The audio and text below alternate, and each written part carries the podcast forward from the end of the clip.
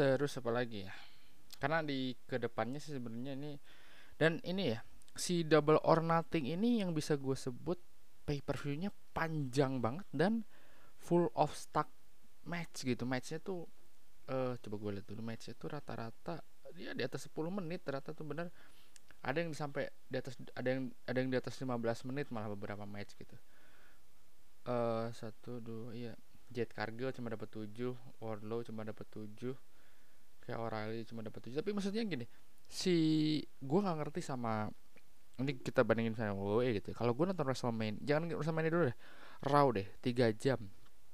Uh, gue tuh kayaknya mereka itu cutting buat iklannya itu hampir 45 menit atau hampir 50 menit karena kalau nonton Raw itu kayak keburu-buru gitu. Terus super saya sedikit dia kayak misalnya uh, apa namanya show uh, apa um, cut uh, commercial break terus uh, show lagi gitu. Kan suka gitu kan ada match di, di antara match. Oh itu kadang-kadang uh, Bianca Belair misalnya gitu ya. Set, atau Cody Rhodes deh Cody Rhodes sama Bianca Belair uh, keluar nih.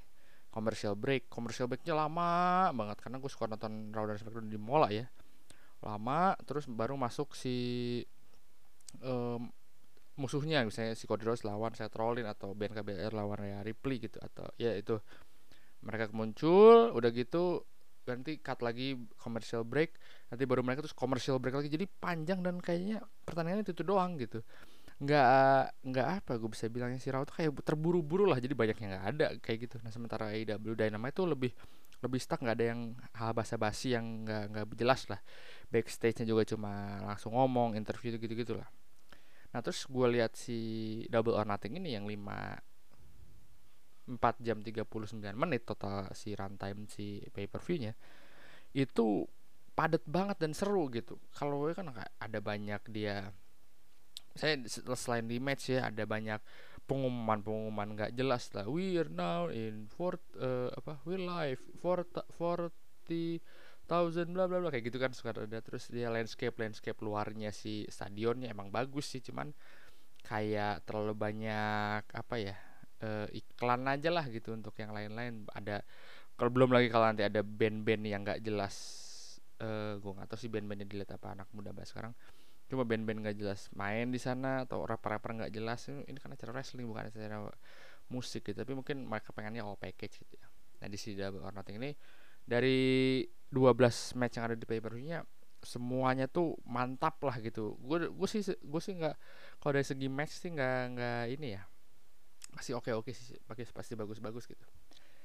Uh, di sini juga ada Page Van Gen yang debut dan kelihatan banget dia kocak banget dia kan dia tuh UFC terus di Bellator MMA fighter lah terus dia di, di uh, bare lu kalau nggak tahu bare knuckle tuh kayak tinju cuman nggak pakai sarung sarung tinju atau kalau di UFC kan juga pakai sarung tangan yang ada di tipis gitu ya gue namanya apa sih ini ini langsung tangan lo bare knuckle.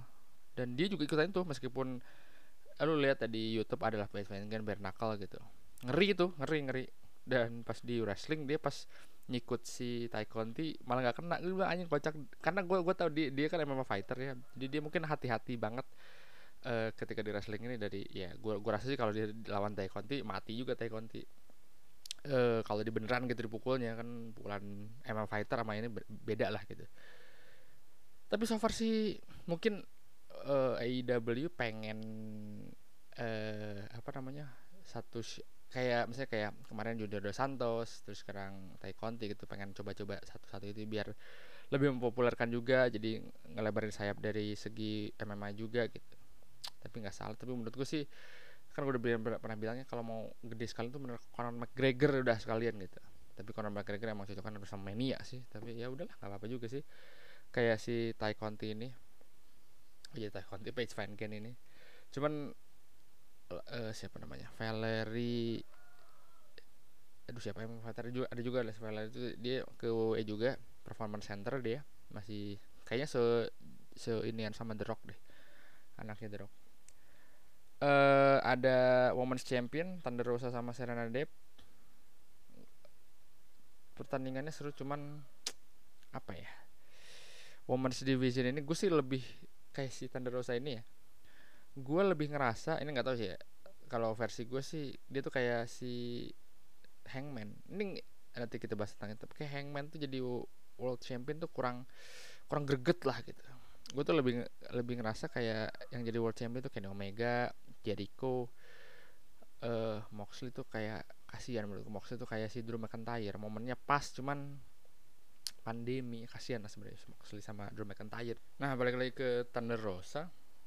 Sebenarnya Thunder Rosa ini emang nggak tahu gue kenapa ya kayak Britt Baker nggak tau di AEW itu masih masih heel mentality yang jadi oke okay gitu jadi champion. Belum ada top baby face yang yang seru gitu di AEW uh, eh, gue rasa kalau Sasha Banks dan Naomi masuk ke AEW ya ini bakal sangat merubah women's division di AEW jadi lebih terangkat nama juga bakal lebih besar. Uh, gitu gitu sih sebenarnya dari women division. Terus uh, kayak O'Reilly sama Derby Allin ini gue nggak nyangka. Ini pertandingan bi biasa tuh dalam tanda kutip. Ya pertandingan ala AEW yang oke okay, cuman nggak ada storyline jelas. Storylinenya cuman kayak O'Reilly uh, cedera insting udah gitu doang. Terus mereka uh, bertanding dan pertandingan cukup fisikal. Gue gua nggak nggak expect pertandingan bakal sefisikal ini. Gue kira bakal pertandingan berbagai high flying segala macam ternyata uh, lumayan fisikal uh, cukup oh, tapi ke depannya gue gak tahu nih si Kyle O'Reilly itu bakalan single atau tetap sama Bobby Fish Red Dragon ya? Karena gue gua, gua tuh ngeliat kayak mereka berdua tuh kayak bukan tag team gitu. Kalau FTR tuh kan tag team banget ya. Yang box tag team banget Hardy Boys gitu tag team. Kalau gue lihat tuh kayak Bobby Fish dan Kyle O'Reilly tuh kayak single competitor aja gitu nggak kayak tag team. Tapi nggak nggak tahu sih. Uh, eh, gue bahas yang mana dulu ya uh, tag team champion uh, gua kira ini tag team champion bakal dilepas dan dan ini juga gue aneh. Tag team champion uh, six six uh, bukan six man uh, three way tag team champion. Ini yang murni tag team cuma si siapa namanya? Uh, uh, Express doang gitu. Kalau Kitli sama Swerve tuh kan tag team tapi waktu pas di India waktu pas mereka sempat tag team cuman gak murni tag team gitu. Gue gak, gak ngerti kenapa padahal masih banyak yang tag team yang murni tag team yang bisa digedein kayak Gun Club terus uh, siapa tuh namanya? Next Caster sama The Claim gitu. Tapi lagi cedera sih itunya. Uh, atau sama iya tapi bosan juga sih. Tapi gue nggak tahu ini kenapa jadi bukan tag team gitu. Gue gua kira tuh bakalan lebih kayak gue nggak ngerti sih gue ini double or nothing itu banyak kayak tiba-tiba terus yang udah lu lu sama lu lu sama lu sama lu. Dan Jurassic Express itu kasihannya mereka tuh kayak mereka tuh sama kayak Luce uh, The Luce Brothers gitu. Mereka tuh cuma jadi selipan dari dari storyline orang. Si ini tuh yang punya storyline sebenarnya antara Kitli sama Swerve um, uh, storyline sama si Hobbs sama Ricky Stark gitu si uh, Jurassic Express nggak nggak punya ini sama sekali gitu nggak punya storyline sama sekali. Tiba-tiba aja nyempil gitu. Padahal mereka tag team champion. Mereka juaranya gitu nggak ada sama sekali. Kayak diselipin aja oh, lu sama siapa ya? Oh, lu sama ini aja udah. Gitu kayak apaan sih ini nggak kok kayak gini? Gitu. Uh, nah ini salah satu yang oke okay, menurut gua Anarchy in Arena. Uh, JSS lawan Blackpool Combat sama Eddie Kingston Santana Ortiz. Si Anarchy in the Arena ini uh, gue lu bisa dengar di podcast ya Chris Jericho gitu tentang uh, terbentuknya si JS gitu. Menurut Jake Hager, si The Inner Circle itu uh, lahir ketika AEW pertama Dynamite ada dan topik momennya itu Stadium Stampede Double or Nothing tahun lalu.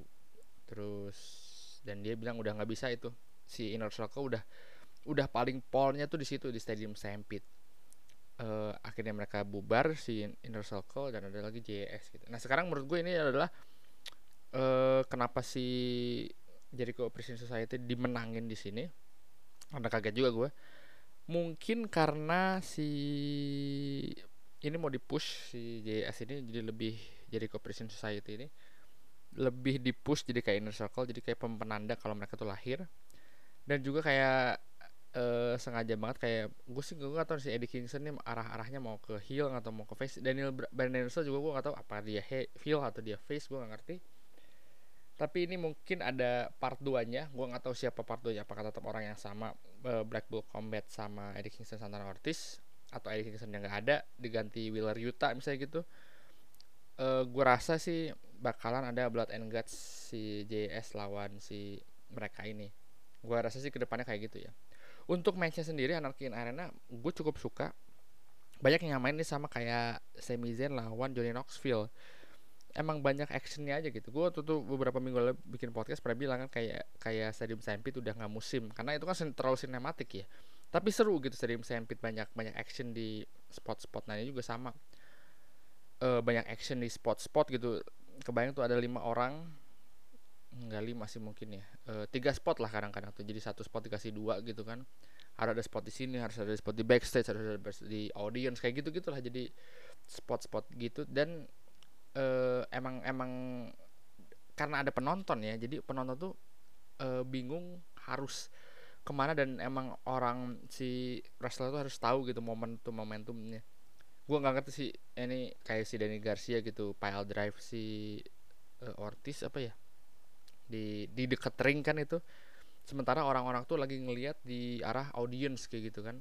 Jadi orang dia tuh harus aware aware menurut gue hebat sih kalau yang di si anarki arena ini. Dan menurut gue salah satu pertandingan yang cukup sukses uh, dan bisa bertahun-tahun ke depan gantiin Stadium Stampede atau mungkin namanya tetap Stadium Stampede tapi kesannya kayak gini juga seru juga kan. Kayak gini ya cukup lah. Kayak soalnya ini yang kayak gini tuh udah dilakukan berkali-kali six man tag waktu False Count Anywhere uh, Jurassic Express Christian lawan Adam Cole yang Bucks waktu itu pernah kan. Terus di kemarin juga ada Sting. Siapa lagi? Sting dan Bi Alin uh, gue lupa Sting dan pokoknya four four lah. Ada Matt Hardy juga kalau nggak salah. Itu uh, False Count Anywhere juga atau apa pun lah namanya. Nah ini juga mirip kayak gitu tapi seru lah gitu. Dan yang main event terakhir si Empang lawan Hangman Adam Page. Ini nah ini yang seru sebenarnya karena si Empang menang AEW World Champion banyak yang bilang kalau ini bakalan jadi the last apa sebutannya ya the last era dari The Elite the last era dari original AEW gitu. Karena di sini menandakan bahwa termasuk John Moxley dan Jericho tuh original The Elite ya. Uh, original AEW gitu. Uh, ini kayak menandakan kalau masuknya mantan top star top starnya WWE NXT ke dan dan pun indie ya ke AEW dan ini salah satu hal yang ngebuat si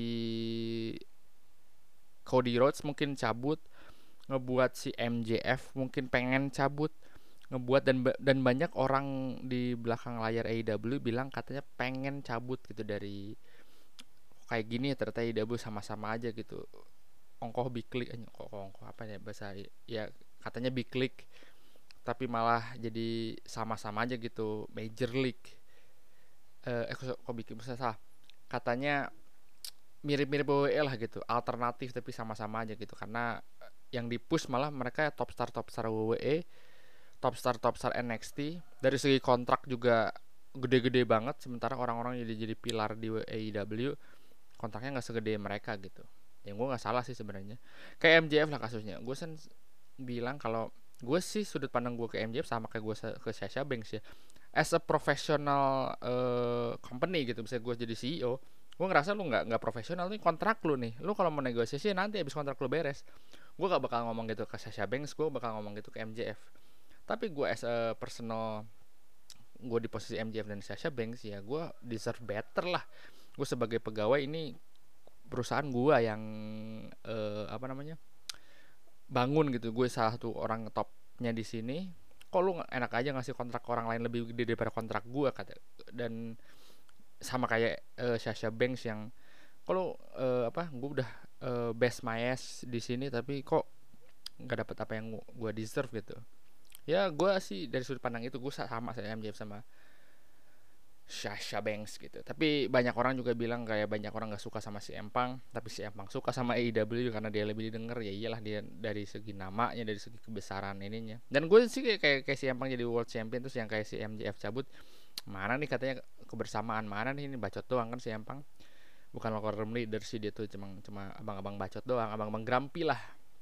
Bukan yang kayak Undertaker atau ya bukan yang kayak Undertaker gitu yang bisa gini atau kayak Roman Reigns gitu. Makanya dia nggak sekelas Roman itu gitu kali ya. Nggak nggak inilah. Mau si si Empang fans marah nih. Si Empang fans norak-norak soalnya. Banyak yang norak ya nggak semuanya fans si Empang norak.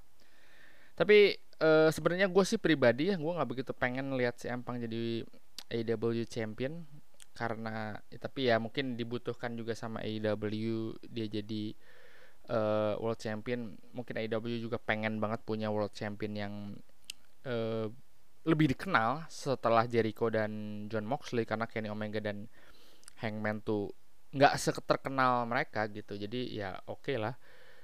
Terus tapi gue berharap sih ke depannya ya emang AEW itu bisa mencetak um, gue tuh sebenarnya berharap eh, Adam Cole gitu jadi AEW World Champion.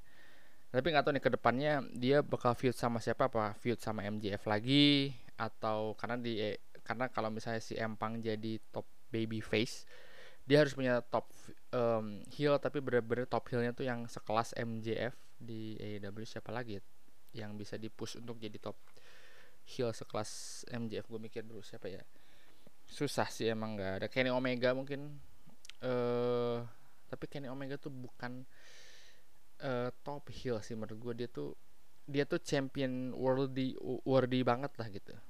Gue bisa jelasin kayak cocok aja gitu jadi champion. Kalau uh, kayak MJF tuh nggak jadi champion juga kita udah su udah suka gitu. Gitulah uh, technical wrestler kayak kayak Kenny Omega tuh mirip kayak Daniel Bryan, uh, Bryan Anderson gitu. Dia tuh yang kalau jadi heel kita tetap suka karena technical rasanya bagus gitu karena karena skillnya gitu. Kalau segi kalau MJF tuh skill dan karakter tuh masuk banget. Jadi yang dibutuhkan si Empang menurut gue sekarang untuk ke depannya dia butuh top heel yang bisa ngepush nama dia juga lebih oke. Okay. dan karena terakhiran dia di WWE itu tahun berapa? 2013 apa dia jadi WWE champion 2013 apa ya? 2014 2013 dia 2014 cabut ya. Apa 2012 ya? Dia jadi WWE champion menurut gua lebih seru dia pas uh, nantang John Cena lebih seru dia pas nantang Del Rio sebelum jadi world champion pas udah jadi, jadi champion membosankan aja gitu fit sama Jericho. Jadi nggak nggak emang tapi mungkin ke shadowing juga sama si The Rock sama si John Cena ya zaman dulu. Tapi ya mudah-mudahan di sini enggak lah dia jadi bisa gitu carrying AEW dan AEW World Champion gitu. Karena ya, ya jadi champion kan susah ya lo di top of the food chain emang susah sih menurut gue untuk di atas sana. By the way ini dapat 38 menit 40 menit panjang juga ke depannya. Uh, so far menurut gue AEW Double or Nothing ini sangat worth uh, kalau untuk wrestling match sih gue suka. Uh, gue uh, sangat suka untuk wrestling match ya. Uh, dari 12 pertandingan tapi kalau dari hal-hal yang gue aneh berarti ada hal-hal storyline yang bisanya si kayak Hardy Boy sama Young Bucks atau si Empang sama Hangman Adam Page aja menurut gue nggak ini nggak apa namanya storyline itu kurang kuat gitu. Di tiap dynamite juga apaan? gitu cuma bacot gitu doang terus saling pakai move. Jadi nggak kelihatan gitu storyline antara mereka berdua. Eh uh, apalagi kayak J oh ya Jericho Operation Society sama Blackpool kan sebenarnya uh, storyline juga itu sama Eddie Kingston sama Santana Ortiz. Si Blackpool juga nyempil di tengah-tengah kan. Ya kalau gue sih dari segi kalau segi pay per view gue sih uh, pengemasannya bagus gitu. Kalau dari segi pay per view pengemasannya bagus. Tapi tapi kalau nggak ada storyline yang jelas untuk pay per view menurut gue ini kayak mirip kayak dari Dynamite aja sih menurut gue karena kalau uh, kalau lu nonton AEW Dynamite gitu yang uh, match matchnya oke okay, sama si ini sama sama ini ya. Cuman harusnya tuh pay per view di, di lebih diperkuat sama storyline yang kuat banget gitu. Storyline yang kuat menurut gue cuma MJF sama Wardlow di sini. Uh, apalagi ya hmm, American Top Team sama Kazarian uh, Sami Guevara Tai Conti menurut gua kuat juga. Storylinenya terus udah sih jadi uh, Prison Society sama Eddie Kingston Santana Ortiz udah itu doang sih menurut gue ya. Yang storylinenya kuat gitu sisanya enggak. Jadi kayak kayak mirip-mirip Dynamite aja gitu si si packagingnya. Sementara paper itu harusnya lebih spesial gitu. Storylinenya kuat banget semuanya gitu. Karena beberapa uh, itu kemarin kayaknya lebih kuat-kuat deh. Si storyline gue ngerasa kayak sekarang tuh kayak terlalu dipaksakan si double or jadi kalau udah dekat oh sini sini sini. Oh sini sini gitu. Tapi untuk segi match oke okay lah. Gitu dari gua. Sampai ketemu di racing podcast berikutnya